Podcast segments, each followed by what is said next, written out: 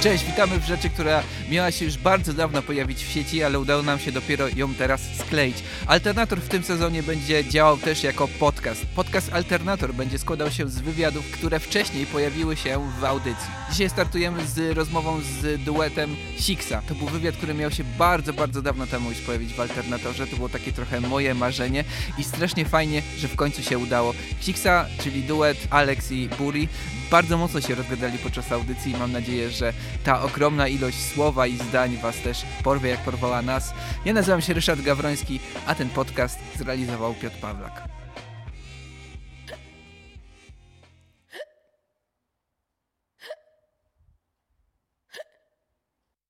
Czy wiesz, że istnieje rozprawa na temat tego, jakie są niezaprzeczalne dowody na bycie dziewczynką albo chłopcem? Czy wiesz, że, czy wiesz, że i na przykład w Nowej Polsce jest taki bardzo prosty sposób, żeby to sprawdzić.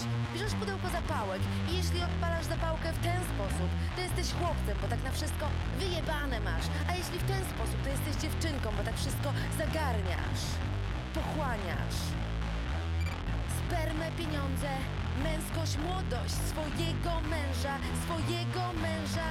To dlatego on później w kryzysie wieku średniego kupuje chwilówki na spodnie marki Tommy Hilfiger i wyszukiwarce na YouTubie. Widzisz, że ostatnio wpisywał, wpisywał indie rock, hardcore 4 Girls 2017 By później tom składankę puścić. Jakiejś siksie w swoim aucie W tym aucie, co on go nie ma. I marzy, marzy o tym, żeby ta siksa do niego podeszła i mu powiedziała tak. You smells like a teenage spirit You smells like a teenage spirit. No ale taka rozprawa co? W niej napisane są argumenty na to, że nie można zmieniać swoich ról. Istnieje, istnieje, no. Na przykład nie możesz, tak jak ja nie mieć dzieci, bo to nie kobiece. Mojej koleżance kiedyś chłopak, jak ona miała czkawkę, no to on jej powiedział, że czkawka jest niekobieca. Rozumiecie? Czkawka jest niekobieca, cytat roku kurwa. Czkawka jest niekobieca, czkawka jest niekobieca.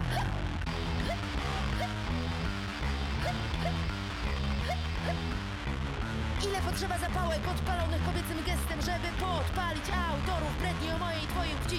Ile potrzeba zapałek, żeby podpalić mojego byłego chłopaka? Którego marzeniem było zostać królem? No, niezwykle to jest męskie zajęcie.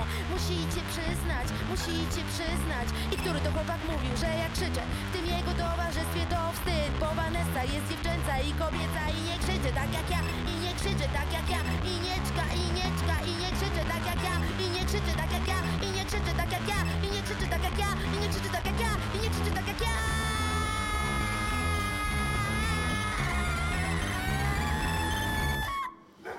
Pierwszym wywiadem w audycji Alternator w nowym sezonie jest, e, jest rozmowa, która miała się odbyć bardzo dawno temu, ale z, z jakiegoś powodu się nie działa. Ja mam też tutaj czuję trochę tremy. E, rozmawiamy z zespołem Sixa, który przed chwilą e, wybrzmiał na naszej antenie, czyli z Alex i Burim. Cześć. Cześć. Cześć, cześć. E, byliś, e, wczoraj, e, wczoraj w Poplenarcie e, słuchaliśmy i oglądaliśmy wasz film do albumu Stabat Mater Dolorosa. E, jeżeli się spojrzy na m, każdy wywiad z wami, to jest jakiś taki, e, to jest dzielenie Sixy na sezony. To jest chyba już zeszły sezon, tak? Tak, e, Stabat Mater Dolorosa to jest e, płyta, którą nagraliśmy zaraz po, bo my zawsze mamy tak, że nagrywamy nasze płyty dopiero jak skończymy grać jakiś materiał.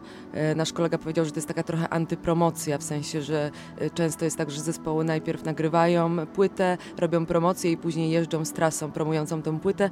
My tak nie możemy zrobić, bo jesteśmy takim zespołem, który właściwie nie ma salki prób, robi próby w domu bez mikrofonu i nagłośnienia, więc właściwie nasze pierwsze koncerty to są takie próby generalne i ten materiał rzeczywiście dociera się dopiero e, pod koniec e, jakiegoś naszego koncertowania.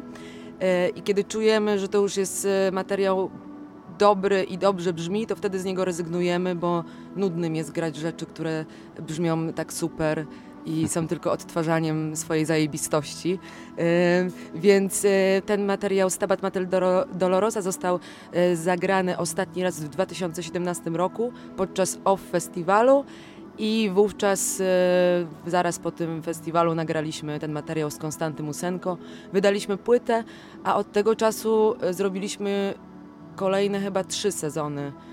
Zemsta na wroga, E, o gwałcie, e, Poskromieni Złośnicy, nasz ostatni sezon i teraz e, gramy obecnie sezon Szmery w sercu. Czyli to już w sumie dawno było, kiedy graliśmy Stabat Mater Dolorosa. Ale... Płyta wyszła po roku. W, premiera była na następnym OFie po, po tym koncercie, gdzie ostatni raz to wykonaliśmy, czyli w sierpniu 2018 płyta miała swoją premierę. Jakieś pół roku później zaczęliśmy realizować z Piotrem Machą film do tej płyty i ten film również tak od roku jeździ po świecie i można go oglądać. Tak więc nie jest też tak z mm, naszą koncepcją, powiedzmy to promocyjną, że jak Alex powiedziała, robimy materiał, nagrywamy płytę, jeździmy i promujemy mm, to, ale wydaje mi się, że mimo, że Stabat Mater Dolorosa nie można już usłyszeć tego materiału na żywo na koncertach, to dzięki płycie, dzięki filmowi nadaliśmy temu zupełnie inny sens, zupełnie nowe życie, gdyż płyty powiedzmy w dzisiejszych czasach raczej przychodzą, wygasza, są wygaszane, tracą już swój, swój gorący potencjał, a dzięki filmowi ten, ten, ta płyta już trwa i trwa ponad rok i nadal jest dla ludzi czymś świeżym, chociaż my, jak Alex powiedziała, już jesteśmy trochę dalej z materiałami i dalej z naszą historią. A właśnie nie miesza wam to się trochę w głowach, bo to już jest y, jakby kolejny, już macie kolejne cztery etapy y, ze sobą, y, a na przykład wczoraj właśnie po penarcie musieliście chyba trochę mentalnie wrócić do takiego momentu, w którym już chyba nie jesteście. To nie miesza wam się to właśnie? Wiesz, to trochę prawda, ale nie miesza nam się to w głowie, dlatego że po prostu mm, to, co aktualnie gramy, jest bardzo w nas, bo aktualnie to czujemy i przeżywamy i mamy w sercu, więc nie, nie miesza nam się. Tobie się miesza? Nie, ale też traktujemy te sezony, te nasze sety koncertowe jako bardzo spójną opowieść. Nie byłoby zemsty na wroga, gdyby nie Stabat Mater Dolorosa. Poskromienie złośnicy jest naturalną konsekwencją tematów podjętych w zemście na wroga. Natomiast obecnie szmery w sercu są jakąś taką formalną i stylistyczną woltą w stosunku do tego wszystkiego, co zrobiliśmy, ale nie są to grube kreski, jeżeli chodzi o jakąkolwiek estetykę, bo jak powiedział Chabrol, styl to więcej tego samego, więc ciągle jest to samo, ale dla nas jest to inne. Dla nas jest to jakieś jest to jakaś taka historia, że to się toczy raz, razem z naszymi życiami. Oczywiście, jak teraz patrzymy na materiał Y, który wybrzmiewa w, na płycie Stabat Mater Dolorosa i w filmie, to te tematy są od nas y, już trochę dalej. Nie znaczy to, że się z nimi nie utożsamiamy, czy uważamy, że coś było błędem. Absolutnie nie. Nie wstydzimy się niczego, co zrobiliśmy w swojej ścieżce artystycznej. Aczkolwiek stawiamy nowe kroki i patrzymy raczej w przyszłość. Sami jesteśmy ciekawi tego, co się wydarza. Wspominałeś, Alex, w wywiadach, że Sixa też e, w tych różnych sezonach po prostu w jakiś sposób dojrzewa. Na początku była szesnastolatką, która była wkurzona, e, potem trochę dojrzała, potem e, opowiedziała bardzo osobistą historię. To jaka jest teraz ta Sixa? W jakim jest etapie życia? Sixa to tak w ogóle jest taki eksperyment, który my przeprowadziliśmy E, na początku dość nieświadomie, bo na początku nie, nie zastanawialiśmy się za bardzo nad tym, co robimy, po prostu słuchaliśmy bardzo swojego serca i intuicji, dlatego na początku e, no nie byliśmy tacy, w ogóle nie mieliśmy żadnych granic w tym, co robiliśmy.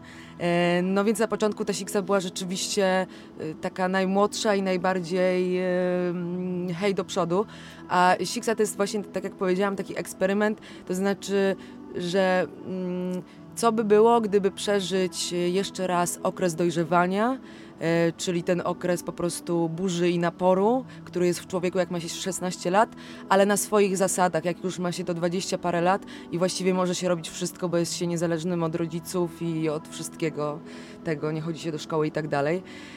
No i właściwie jest takim pytaniem, czy można ten okres dojrzewania przeżyć na swoich zasadach i jak e, pokazał nasz eksperyment Siksa, trochę się nie da e, tego przeżyć na swoich zasadach i totalnie być wyzwolonym, ponieważ e, im dalej szliśmy w las, im dalej koncertowaliśmy, tym bardziej też e, zawsze znalazł się jakiś taki, wiecie, tak jak jest ta nasza scena w filmie, że, że, że jest taki rodzinny stół, przy którym zawsze słyszysz od jakiegoś wujka jakiś tekst o polityce, od jakiejś cioci słyszysz, jak powinnaś wyglądać i tak dalej, to tak właściwie w dorosłym życiu i w ścieżce artystycznej jest podobnie. Zawsze znajdzie się jakiś wujek, dobra rada, który ci powie, że powinnaś dołożyć e, perkusję i wtedy byś mogła być puszczana w radiu i w ogóle mogłabyś być gwiazdą. Producent hip-hopowy napisze do ciebie, że gdyby ciebie wyprodukować, to byłabyś spoko laską, która ma potencjał do bycia raperką. No i takie różne rzeczy, a jeszcze z innej mańki to z kolei e, ludzie nam często opowiadali o tym, że, że Siksa powinna być na przykład bardziej piosenkowa i bardziej że nie powinna na przykład o gwałcie mówić w ten sposób taki rozkrzyczany, bo to źle robi sprawie. I e, dlatego Poskromienie Złośnicy to był taki materiał bardzo też najdłuższy z naszych wszystkich, bo on już pod koniec trwał prawie godzinę na koncertach, w którym właśnie rozprawialiśmy się z tymi wszystkimi rzeczami, które Siksa przez te wiele lat usłyszała, e, które były na nią nakładane i e, taką ludzie też często tworzyli jakąś taką wizję e, nas, e, z czym ja bardzo walczyłam w tym poskromieniu złośnicy, to z tym, że po właściwie wywiadzie w Wysokich Obcasach i po koncercie na Off Festiwalu ludzie mieli jakąś taką wizję nas, też często y, ja zostałam zapraszana do jakichś powiedzmy śniadaniowych telewizji, czy innych takich rzeczy bardziej mainstreamowych, żebym wypowiadała się o gwałcie głośno. I żebym właściwie, ja tego nie robiłam, robiłam to na swoich zasadach, tak jak potrafiłam to robić, bo po prostu ja się boję mainstreamu i ja nie mogłabym wystąpić w programie telewizji śniadaniowej i mówić tam o gwałcie, bo ja nie wiem, co później telewizja by z tym zrobiła. A poza tym ja nie lubię bardzo celebryckiego feminizmu, który nam przez pewien czas też e, groził, czyli takie po prostu bycie feministką. Zresztą nam to też zarzucano, że zarabiamy pieniądze na feminizmie, cokolwiek. E, no ale ja, ja jakby nie mogłabym sobie pozwolić też na to, jako po prostu człowiek, e, żeby cały czas na przykład teraz mówić o tematach związanych z feminizmem.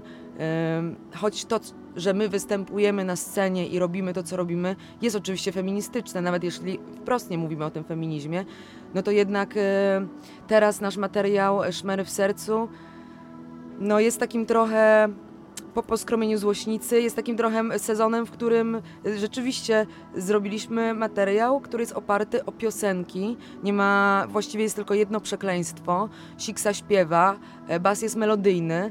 E, jest, e, zwykle mówiliśmy wszystko bardzo wprost na naszych koncertach, a teraz ten materiał jest trochę schowany za metaforę, a mm, metafora polega na tym głównie, że ja czuję się po tych pięciu latach, że byłam na jakiejś takiej trochę wojnie, którą stoczyłam właśnie sama ze sobą i aktualnie nie mam siły podejmować już tematów ważnych, tematów związanych z Polską, z wielkimi sprawami, tematów związanych z gwałtem, z kobiecymi prawami. Po prostu psychicznie nie, nie mam siły podejmować takich tematów na scenie i ten materiał jest też o tym, że warto Y, czasami pozwolić sobie, nawet jeżeli walczysz, jesteś aktywistą, aktywistką, działaczem, działaczką, że to nie jest nic złego, że odczuwasz stany depresyjne i że po prostu nie masz e, siły na to, żeby pojawiać się na kolejnej rzeczy związanej z demonstracją Twoich poglądów. I właściwie o tym jest ten materiał. O takim poszukiwaniu siebie na nowo, bo ja trochę miałam coś takiego, że jak siedliśmy do tego materiału w domu, to ja nie wiedziałam, kim ja jestem. I ten materiał jest takim po prostu uczeniem się siebie na nowo. E, ta twoja pierwsza część wypowiedzi trochę sugeruje, że e, fiksa się trochę nagięła jest mniej wulgarna, bo, bo inni od tego ją wymagali. To chyba nie do końca pasuje do was, do zbuntowanej Siksy, do Siksy, która właśnie mówi jak jest. Wiesz, my nigdy nie myśleliśmy o tym, że Siksa jest kontrowersyjna, zbuntowana i tak dalej. To wszystko to są epitety, które nam przypisano, czy to media, czy po prostu odbiór ludzi na koncertach, czy jakichś innych naszych działań. Po prostu robiliśmy i robimy to, co nas interesuje, to jak czujemy, jak potrafimy i jak chcemy. A czy coś jest dla kogoś buntownicze, wulgarne, to jest jakby wartość już y, dodana i ciężko nam się y, z tym mierzyć. Dla nas, w naszym odbiorze, faktycznie to, co teraz robimy, jest y, właśnie spełnieniem tych oczekiwań, tych mokrych snów wobec Siksy. Co by było, gdyby było lajtowiej, ale to jest chyba tylko takie nasze wyobrażenie, bo nadal ta forma jest obskurna, jest pewnego rodzaju gruzem. Być może, jeżeli ktoś się kiedyś pokusi na jakieś szersze spojrzenie na to, y, co zrobiliśmy, dostrzeże to, co, czego byśmy chcieli w szmerach w sercu, że jest to coś y, estetycznego i pięknego, ale chyba też nie do końca tak jest. My często nie posiadamy wglądu w to, co y, co robimy. Bardzo nam trudno obiektywnie wypowiedzieć się, czy coś, co robimy, jest y, estetycznie złe, piękne, czy coś jest y, szokujące, czy nie. Trudno nam się do tego odnieść. Dopiero w toku koncertowania sami dowiadujemy się czegoś i o naszej sztuce, i o sobie samych. Dlatego to obsowanie z ludźmi jest też dla nas y, istotne. Też nawet jeśli nas męczą. Też ten materiał jest buntowniczy dla mnie w takim sensie, że po prostu wszyscy ci, którzy widzieli w Siksie zawsze tą właśnie na pomnik wręcz wystawioną ikonę e, feminizmu, e, laskę, która zawsze wypowie się na tematy związane z Polską i nie będzie się w tym zajączkować, ale sobie dryfuję z tymi słowami, żeby nie przeklinać, zajączkować się. No więc właśnie, że wszyscy ci, którzy widzieli w Siksie taką, e, taką laskę, przychodzą teraz na koncerty i myślę, że są zdziwieni, ponieważ e, ona e, mówi, że ona już nie ma siły walczyć aktualnie, ale też pod tym materiałem kryje się coś takiego nie wiem, czy każdy to dostrzega, ale nasz kolega Konstanty, który widział ten materiał na rozbracie, powiedział, że, że on jest niby taki ładny, ale on jest bardzo niebezpieczny, ten materiał. I rzeczywiście dla nas taki jest, bo tam jest pewna treść, nie wiem, mamy spoilerować? No możemy, nie? Nie, nie, nie spoilerować. Nie. No bo tam jest taka treść po prostu schowana na ostatnich słowach tego koncertu, które padają, że właściwie Siksa jest gotowa do yy, odpalenia. odpalenia cokolwiek to znaczy, od takiej metaforycznego wyrzucenia bomby, a może właśnie nie metaforycznego. Ale jest też coś takiego, że ten materiał po kilku takich ciężkich walcach, jak Zemsta, Stabat Mater Dolorosa, Zemsta na wroga, Poskromienie Złośnicy, gdzie te koncerty były już bardzo ciężkie, ostre, wyczerpujące i dla nas, i dla publiczności, że te szmery w sercu są takim trochę kontrolowanym daniem rozczarowania. To jest też dosyć interesujące, bo y, raczej nie robi się materiału, który macie ro rozczarować. Jest to też kolejne jakieś antypromocyjne, antyartystyczne y, działanie. Wiadomo, że dla nas to też potrafi być y, trochę ciężka i zaskakująca sytuacja, ale odnajduję też w graniu na żywo szmerów w sercu jakiś taki czysto ludzkiej przyjemności, że koncert już nie musi być y, traumatycznym, wyczerpującym przerzucaniem 10 ton węgla w godzinę jak po skromieniu złośnicy, tylko dać mi jakąś taką satysfakcję i czystą przyjemność. Jak w pierwszych koncertach Siksy, gdy robiliśmy wszystko na rympał i z niczym się nie liczyliśmy, tylko że trochę inaczej. Trudno mi to zebrać teraz te myśli. Mam nadzieję, że jest to w jakiś sposób jasne. Jak to będzie ze szmerami w sercu, to jeszcze czas pokaże, bo w sumie gramy to od początku, od końca sierpnia dopiero. No dobrze, to nie, będzie, nie będziemy spoilerować. Um, jeżeli chcecie doświadczyć szmerów w sercu, to po prostu wyruszcie na koncert Siksy. Wy przygotowaliście e, muzykę.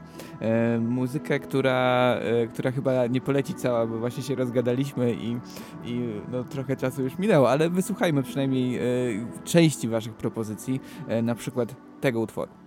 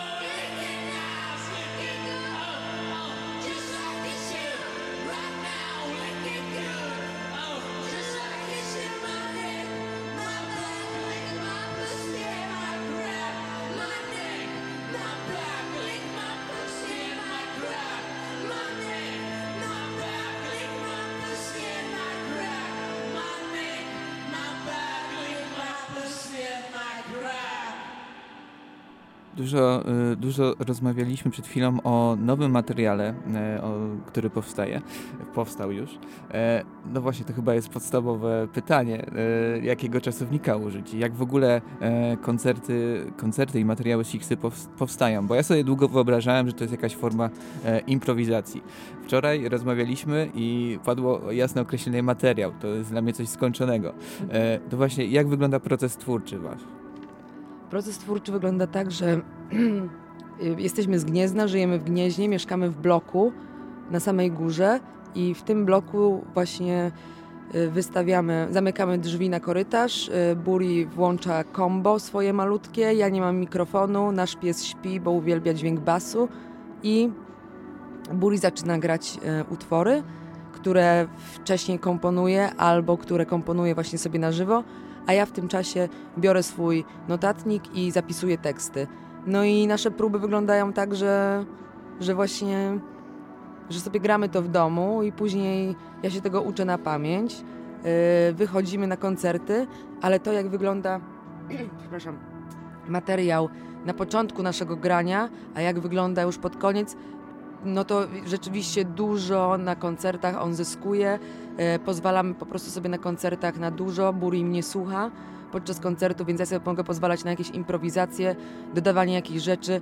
Jeden utwór w poprzednim materiale, który dołożyliśmy już na końcowe koncerty, powstał z improwizacji koncertowych i był jakimś takim hitem na koncertach, w sensie, że bardzo się to ludziom jakoś...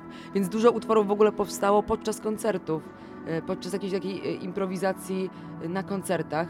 E, ale rzeczywiście taka baza tych wszystkich utworów, które dzisiaj na koncercie też będziemy grać, jest e, skomponowana z takim jakby zawsze e, po prostu otwartym umysłem, że reagujemy na to, co się dzieje na koncercie i wplatamy w to różne rzeczy. Myślimy o tym raczej, co przywozimy na koncert jako podstawie. Jesteśmy czujni na to, co się dzieje, bo każde miejsce jest inne, każde miasto jest inne, każda publiczność jest inna. Słuchamy siebie nawzajem i często używamy takiego określenia, że z czasem ten materiał pęcznieje, że mniej więcej wiemy, w których momentach coś może się wydarzyć, coś może się rozrosnąć, coś skrócić. Chodzi o jakąś taką ornamentykę. Trudno, trudno mi powiedzieć, czy improwizacja jest też dobrym słowem, bo na pewno nie jest taka improwizacja w sensie y, jazzowym. Chodzi chyba raczej o ten taki trójkąt i słuchanie siebie, y, ja Alex, Alex mnie, plus reakcja publiczności, klimat wieczoru i tak dalej. A kiedy, kiedy ten materiał jest skończony, kiedy mówicie sobie, no czas zrobić coś nowego? Ten materiał jest skończony wtedy, kiedy my czujemy, że, że on już po prostu to się czuje jakoś i wtedy, kiedy on jest już taki wspaniały i już totalnie wiemy, co w nim robić i wiemy, że już nie mamy tam nic do roboty za dużo w tym materiale, że już nic nowego tam nie wymyślimy na koncertach, że on już hula sobie wspaniale, to wtedy rezygnujemy z grania i to też zwykle się zbiega z tym, że po prostu e, czujemy, że to, co mówimy, e, jest już za nami.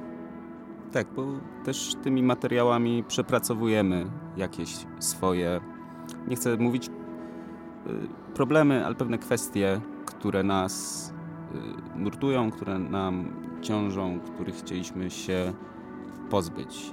Czas leci, my razem z nim w pewnym momencie. Zazwyczaj od dwóch lat tak się to zbiega, że kończymy grać y, w materiały w sezonie festiwalowym, więc często to się y, zbiega z jakimiś takimi, wiesz, dużymi scenami, gdzie te materiały są grane w jakichś takich ekstra y, warunkach, a potem znikają. I zazwyczaj później jedziemy y, nagrać ten materiał. A czy coś w takim trybie pracy na przykład wylatuje z tego, co na przykład ty mówisz na, na danym materiale, nazwijmy to materiale? E, był taki czas, gdzie graliśmy Zemstę na wroga, czyli materiał o gwałcie i ja w tym samym czasie grałam w teatrze w Poznaniu Polskim w spektaklu Jakuba Skrzywanka Kordian i e, tam też podejmowałam ten temat e, e, gwałtu, powiedzmy. Grałam kordiankę i e, po pewnym e, e, pewnego wieczora przyszedł na ten spektakl pewien znany recenzent teatralny, który następnie napisał recenzję e, która powiedziała, że to jest właściwie bunt na zamówienie to, co ja robię i że on nie wierzy w, mój, e, w moje wkurzenie, że ono nie jest naturalne, autentyczne i w ogóle i że to nie jest punkowe w ogóle to, co ja tam zrobiłam w tym teatrze. W związku z tym ja się wkurzyłam, e, bo ja uważam, że trzeba dyskutować z ludźmi, którzy podważają twoją autentyczność. I w ogóle się tego nie wstydzę, choć niektórzy mi mówią, że to jest żenujące, ale ja uważam, że trzeba, mm, tak jak ze starych dobrych czasów po prostu, E, krytycy powinni się wymieniać z artystami, obelgami i bluzgami, bo wtedy to wszystko buzuje i żyje, jest bardzo kulturotwórcze. W związku z tym e, wyleciała pierwsza część z materiału naszego koncertowego Zemsta na wroga, e, po to, żeby wleciała jedna, w której tłumaczę recenzentowi, jak bardzo się myli, ale nie tylko jemu to tłumaczę, też tłumaczyłam jakby ten temat pierwszy mm, mm, oscylował wokół tego, że często ludzie w Polsce, gdy słyszą o e, gwałcie mówionym publicznie, to często po prostu to podważają. E, często podważają autentyczność tego, e, często podważają e, to, że dziewczyny mówiące publicznie o gwałcie chcą się wybić na tym gwałcie i że w ogóle jest to mm, jakiś taki zabieg marketingowy, bo akurat tak się stało, że teraz e, wszyscy mówią nagle o gwałcie i o feminizmie. No widocznie jest taki czas w naszej historii, że potrzeba o tym mówić głośno. Nie sądzę, żeby ktoś to robił dla pieniędzy, choć oczywiście się zdarzają jakieś takie sprawy marketingowe z tym związane, nie? Są, podejrzewam, jakieś takie przykłady, ale ja, e, będąc człowiekiem, wolę jednak wierzyć ludziom, e, jeżeli mówią o czymś, co twierdzą, że przeżyli autentycznie, niż e, być po prostu wiadomo kim i e, podważać to, co ludzie mówią, no bo kim jesteś, jeżeli e, dziewczyna mówi publicznie, że została zgwałcona, a ty jej mówisz, ej nie, chyba, chyba, chyba przesadzasz, chyba, chyba to nie było tak, jak mówisz i w ogóle spadaj. No, więc jakby... Więc takie rzeczy się zdarzają, że po prostu wypada jakaś część na rzecz innej, ważniejszej, ak- bardziej aktualnej. No dobrze, tutaj wspominałeś y, i też dużo jest, dużo mówicie o jakby reakcjach ludzi na to, co robicie. O tym porozmawiamy za chwilę, e, ale najpierw wysłuchamy kolejnego utworu od was. Warto chyba też opowiedzieć o pierwszym, który wyleciał w etery i ja tak z rozpędu w ogóle o nim zapomniałem. E, utwór pochodzi z Grecji, tak? Tak. Tak, to jest y, duet Mary and the Boy. E, Pokazali go nam e, greccy pankowcy, z którymi jeździliśmy. e, Mieliśmy traskę na początku tego roku. Śpiewa tam aktorka nieżyjąca już, którą możecie znać z filmów Jorgosa Lantimosa. Wydali jako Mary and the Boy chyba tylko dwie płyty są ogólnie e, dosyć ciężko dostępne w sklepach muzycznych w Atenach i nie za bardzo wie, wiedzieli o co chodzi. Tak więc całą płytę możecie znaleźć na serwisach streamingowych, polecamy. A teraz chyba będzie w Pierpol, tak? Tak, teraz będzie w Pierpol i ja się bardzo cieszę. To ja tylko dwa słowa mogę o tym już powiedzieć? Co będzie zaraz? Jasne. To e, w Pierpol w ogóle ja strasznie lubię rap i e, tego roku e, to jest płyta e, Sielankowy Survival, który oni wydali i którą ja katuję ciągle do dziś i uważam, że jest wspaniała, a z tego względu, że e, wśród tych wszystkich takich e, nowych rapsów, e, autotunów i tak dalej, które oczywiście też szanuję, lubię i, i w ogóle jestem otwarta na to, co się dzieje w rapie nowego, totalnie. W Pierpol jest jakimś takim totalnym oldschoolem, który jest absolutnie antykapitalistyczny. Oni śpiewają o tym, że właściwie ch- y, chcą w życiu y, robić, y, tworzyć, chcą w życiu żyć ze w zgodzie ze swoimi wartościami i ta płyta jest dla mnie takim ukojeniem, bo świat pędzi po prostu tak do przodu i tyle rzeczy się zmienia i w ogóle wiecie, elektryczne hulajnogi, y, do których ja absolutnie czuję jakąś empatię i nie mogę sobie z tym poradzić, bo czuję jakby to było jakieś małe zwierzątka, jest to dziwne dla mnie uczucie. I po prostu rodzą się jakieś nowe rzeczy w ludziach, jakieś takie po prostu humanistyczno-dziwne, że dla mnie ta płyta jest ukojeniem, bo ona jest tak bardzo ludzka, tak bardzo ziomeczkowa i ten utwór Domówka u bezdomnych jest takim szacunkiem dla prawdziwych ludzi po prostu. Co jeszcze można o tym powiedzieć? Posłuchajmy.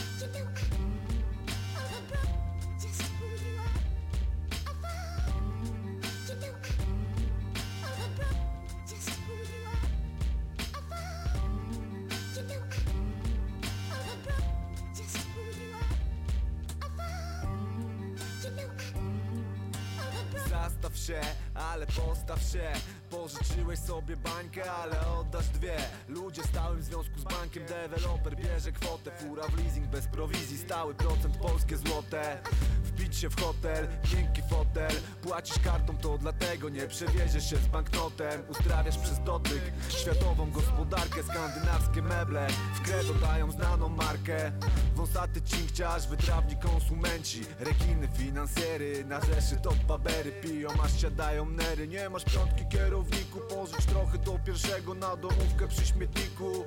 Właściciel chaty, masz ją jak w banku.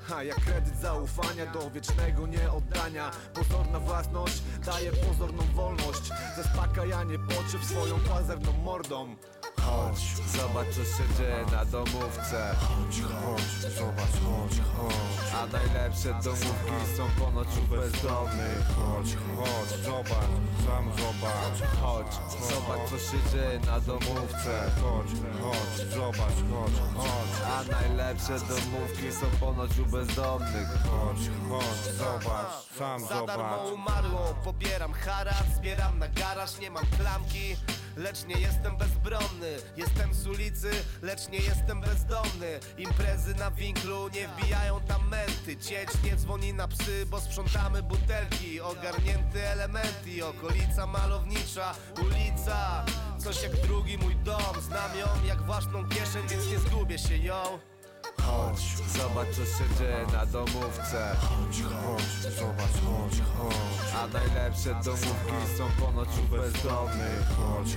chodź, zobacz, sam zobacz. Chodź, zobacz co się dzieje na domówce. Chodź, chodź, zobacz, chodź, chodź. A najlepsze domówki są ponoć u bezdomnych. Chodź, chodź, zobacz, sam zobacz. Jest taki bejnosek, czasem mówię święty Paweł. Koło pawilonów krąży z wysępionym browarem Śpiewając punk rockowe pieśni, bo je znam na pamięć.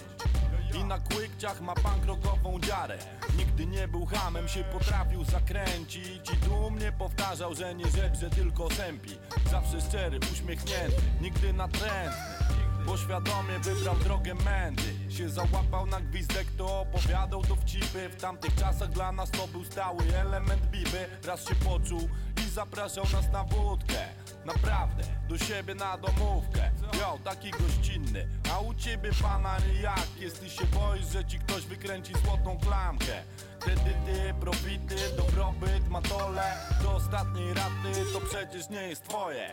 Chodź, zobacz co się dzieje na domówce. Chodź, chodź, zobacz, chodź, chodź. A najlepsze domówki są ponoć u bezdomnych. Chodź, chodź, zobacz, sam zobacz. Chodź, zobacz co się dzieje na domówce. Chodź, chodź, zobacz, chodź, chodź. A najlepsze domówki są ponoć u bezdomnych. Chodź, chodź, zobacz, sam zobacz zobacz. Zobacz. Jest jedna rzecz, która w jakiś sposób y, mnie zawsze w Siksie zszokowała.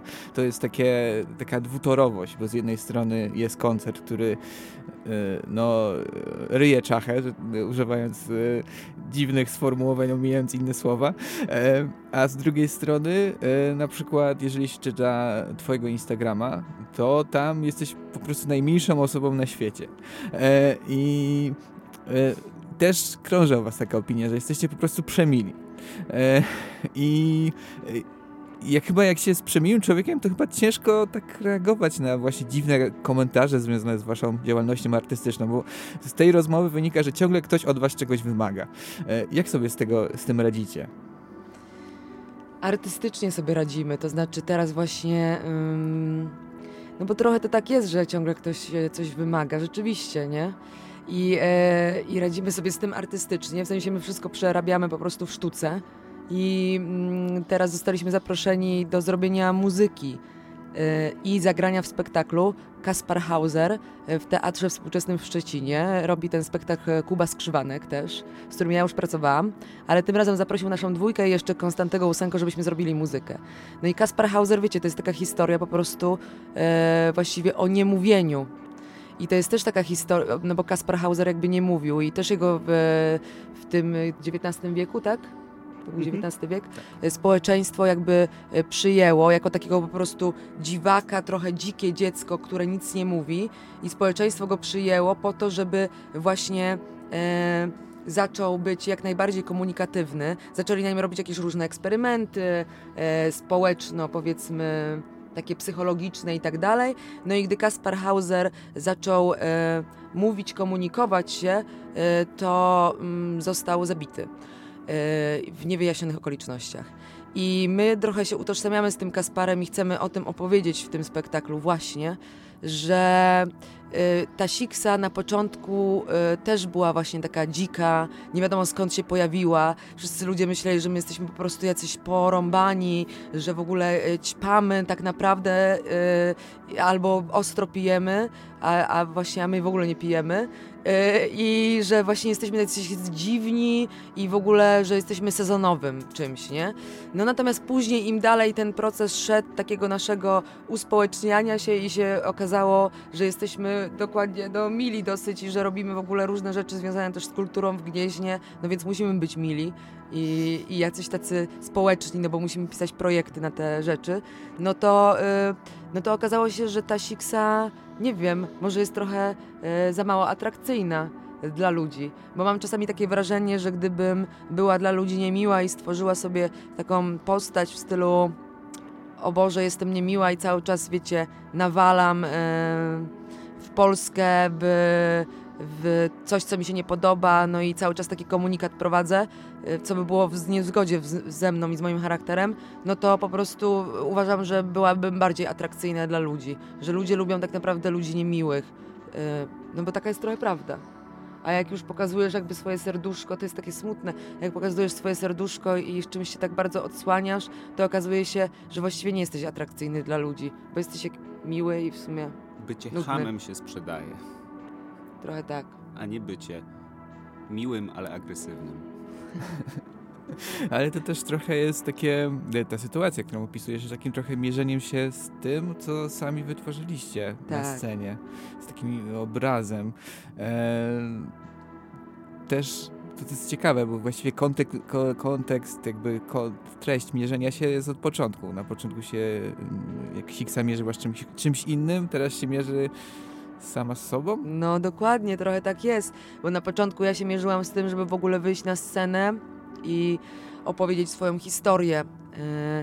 Yy, I to było jakieś takie przełamywanie barier i totalnie się wyzwalanie. A teraz właściwie trochę yy, ja osobiście na koncertach yy, zdejmuję tą maskę siksy coraz bardziej i yy, właściwie trochę ją nawet podważam. I trochę ją krytykuję. Poprzedni mat- materiał był taki, że ja właściwie byłam rozdwojona na dwie osoby, Siksę i Alex i dyskutowałam jako Alex właśnie z tym, co Siksa mówi, e, że może nie tędy droga, że może nie w ten sposób i tak dalej, co oczywiście też było czymś takim, że ja narzucałam tej Siksie coś, co ludzie mówili przez te lata, ale rzeczywiście tak jest, że, że, że, że właśnie, że mam coś takiego, że uważam, że w porządku dla ludzi, czy im się to podoba, czy nie, jest cały czas bycie szczerym i ja chcę być w tym szczera, w związku z tym ch- szczerze potrzebuję ściągnąć z siebie maskę siksy czasami. e, I czy to ludziom się będzie podobało? No trudno, no najwyżej.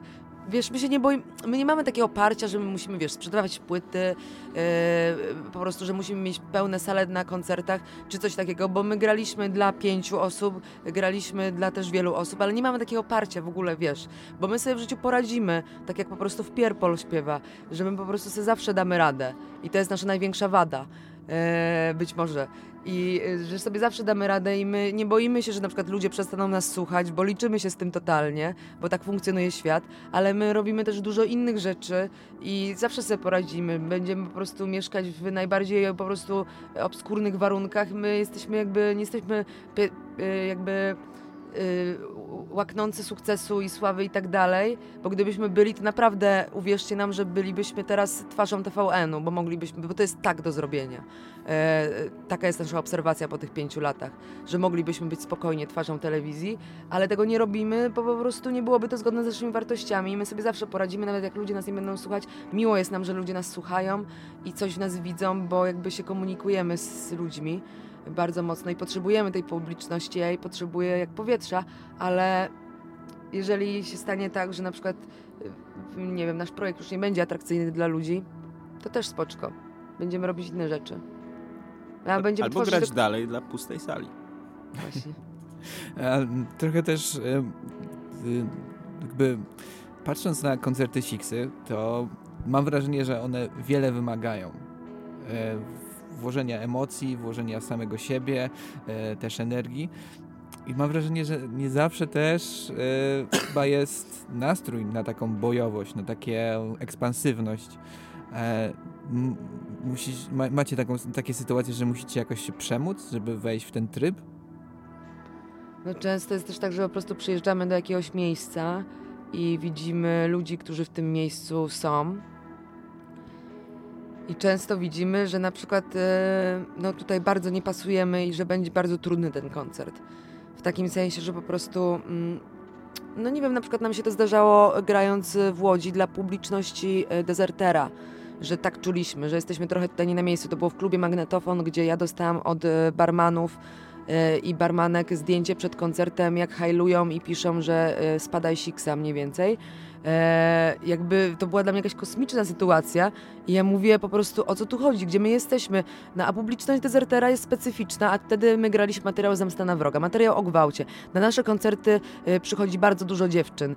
E, staliśmy na papierosie e, przed klubem i ja po prostu widzę, że ludzie, którzy przyszli na tego dezertera, przychodzą jakieś dziewczyny na nasz koncert, oni ich, e, te dziewczyny obczajają.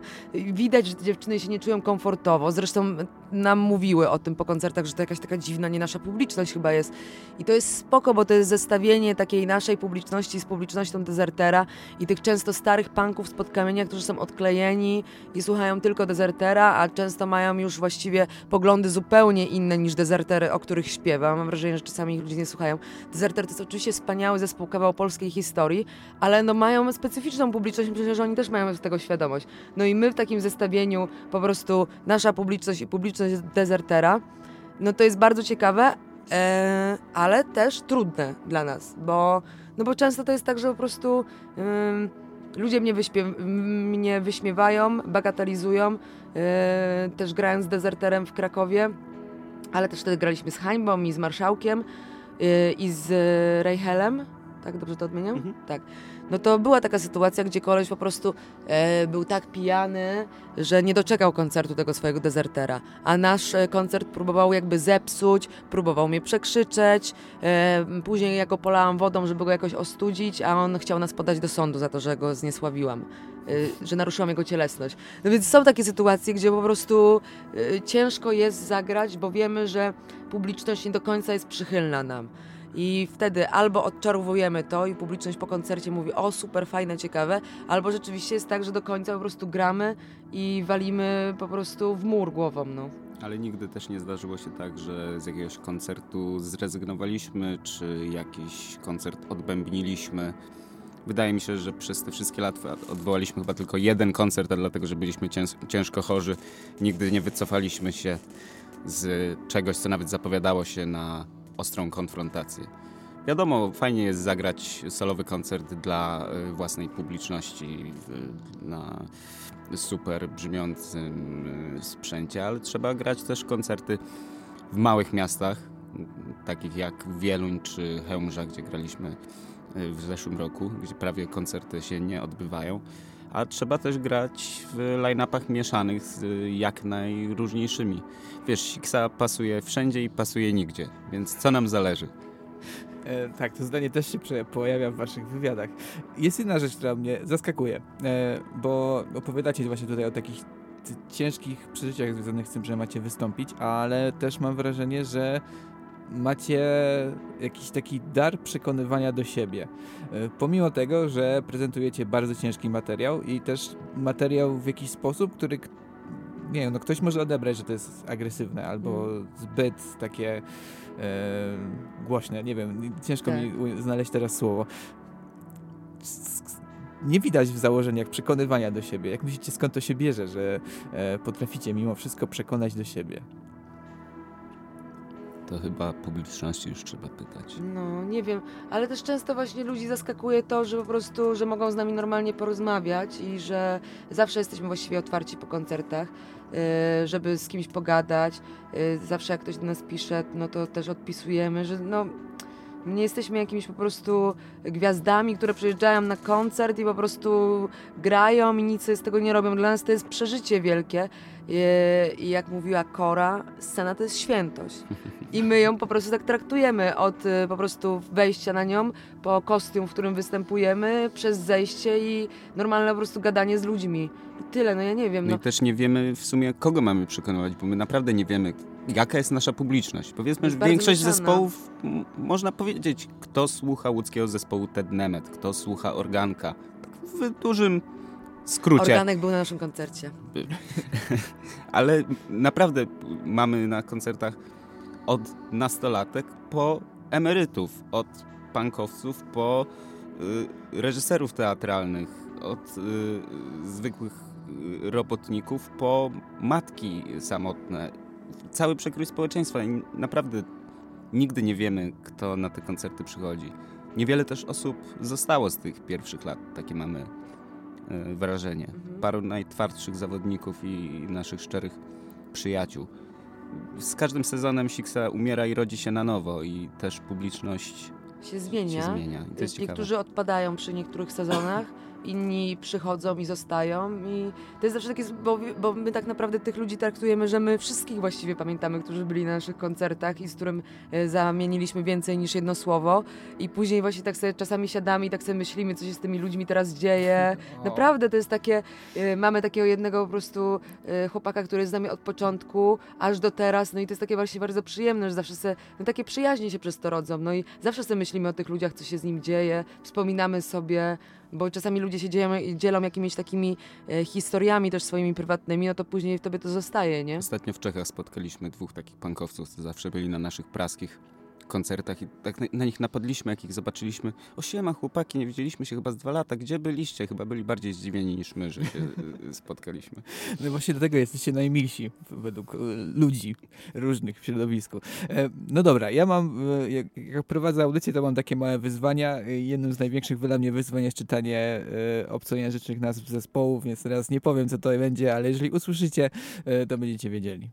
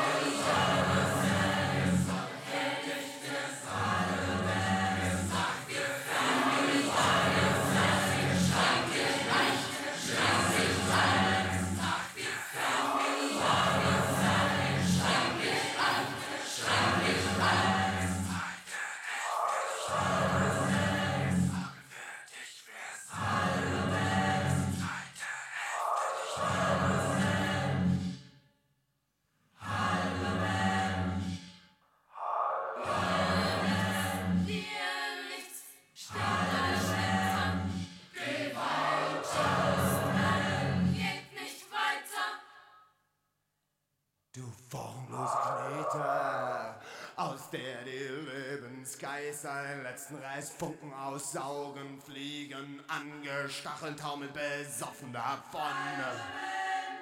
Tanzen nutzlos in der Sonne, machte nichts aus, sie machen gar aus. Ein Bild für die Götter, schönen Gruß vom Schnitter.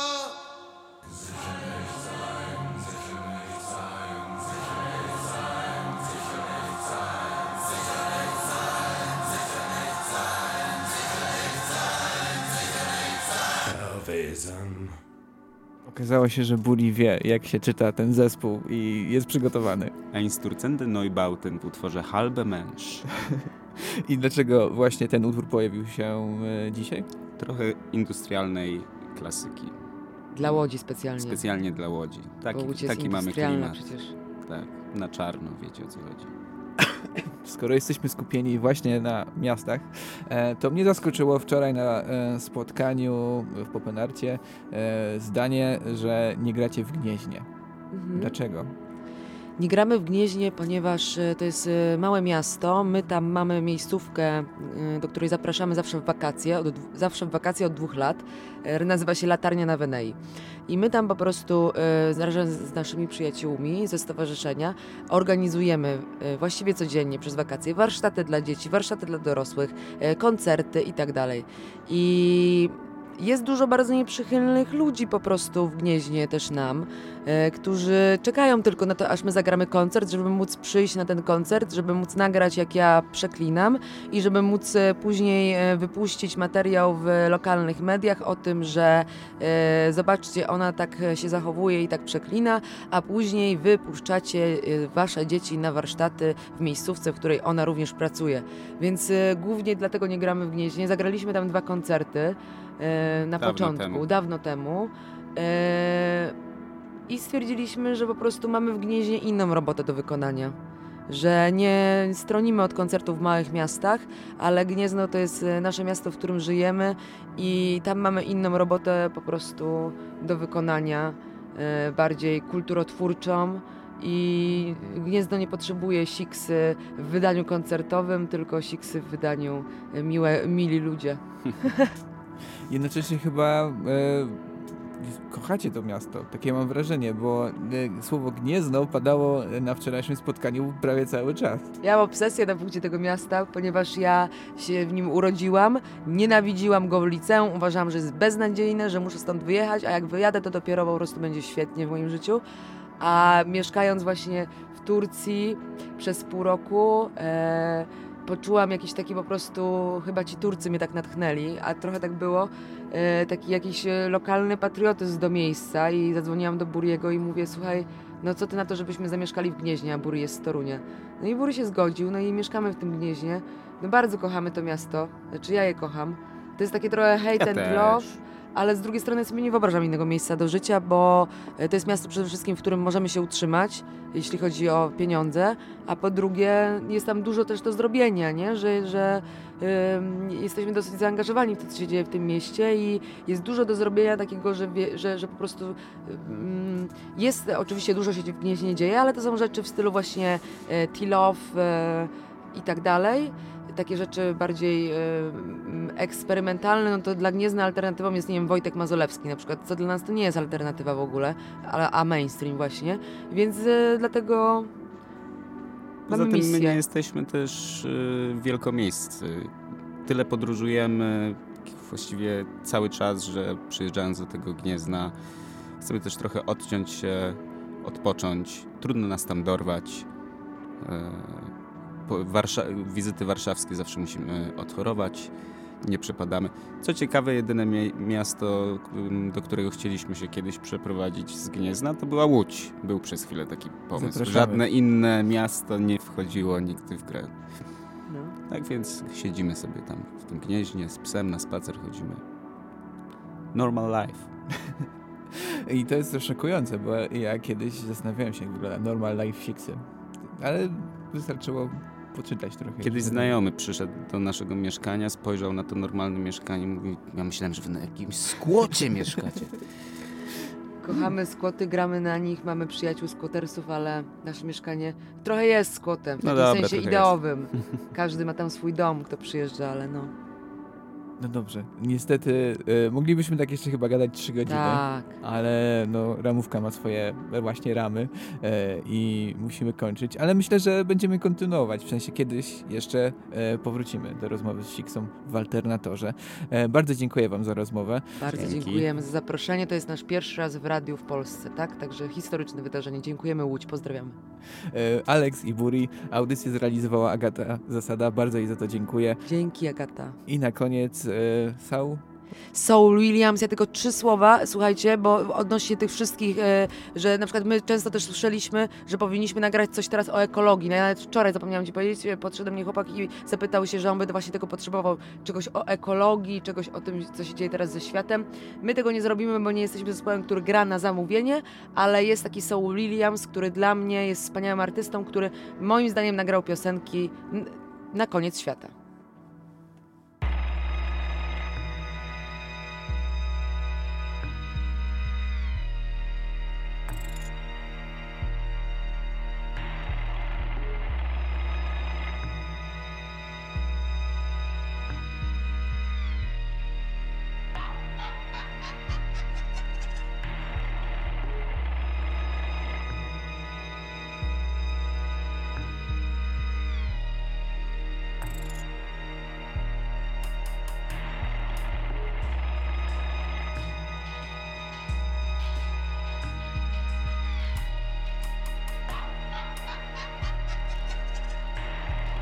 Light years,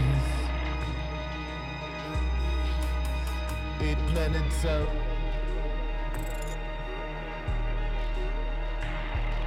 Light years.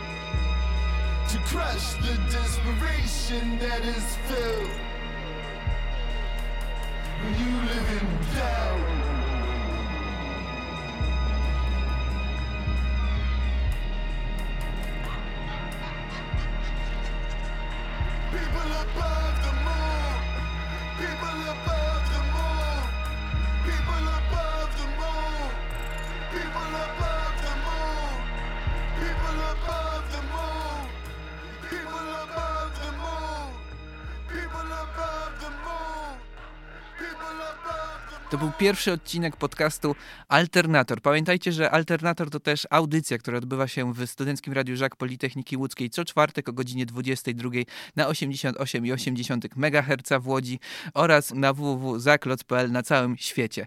Śledźcie fanpage Alternatora, tam znajdziecie wszelkie informacje dotyczące tej audycji. Do usłyszenia, cześć!